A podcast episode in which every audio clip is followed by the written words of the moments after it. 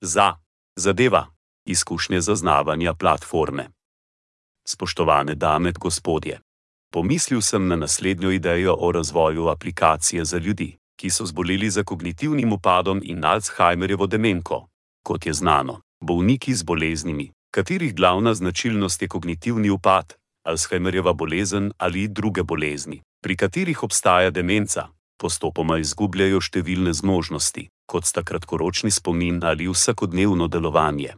Ideja je vzpostaviti programsko opremo ali sistem, ki bo zasnovan za ljudi v tej situaciji. Izziv je osredotočiti se na tak sistem vso programsko opremo ali sisteme, ki jih oseba uporablja, in prek sistema umetne inteligence bo operacijski mehanizem postal enostavnejši in enostavnejši bolezen napreduje. Seveda, da bi sistem zgradili na način, ki se čim bolj natančno ujema s stanjem osebe, ki ga uporablja. Treba je razviti in se posvetovati z raziskovalci, raziskovalci z področja kognicije, pa tudi sodelovanja z nevrologi. Namen sistema je seveda omogočiti ljudem, ki so navajeni uporabljati računalnik za različne namene in demenko, da popolnoma ne izgubijo dostopa do sistemov, ki so jih bili vajeni že vrsto let svojega življenja, s čimer se izboljšajo njihova kakovost življenja tako ali tako zelo posledica simptomov same bolezni. Zaenkrat sama ideja. Čeprav je to ideja, sem mislil, da nimam ničesar s svojim osebnim življenjem. Opozoril bom, da je treba v vsem, kar se mene osebno tiče, upoštevati številne stvari.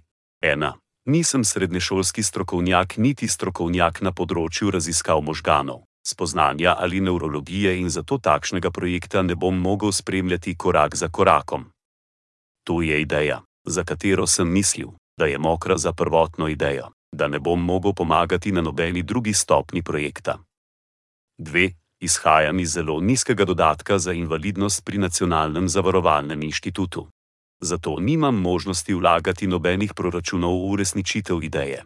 To in še več, zaradi resnosti mojega stanja zelo visoke predpostavke preprosto ne bodo pomagale. 3. Živim v Jeruzalemu, kjer jad menečem in nimam vozila ali vozniškega dovoljenja.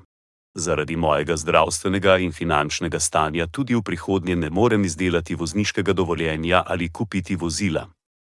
Zato moja sposobnost, da se udeležim svetovalnih sej v pisarnah podjetij, ki so opazno daleč od mesta, kjer živim, ne obstaja.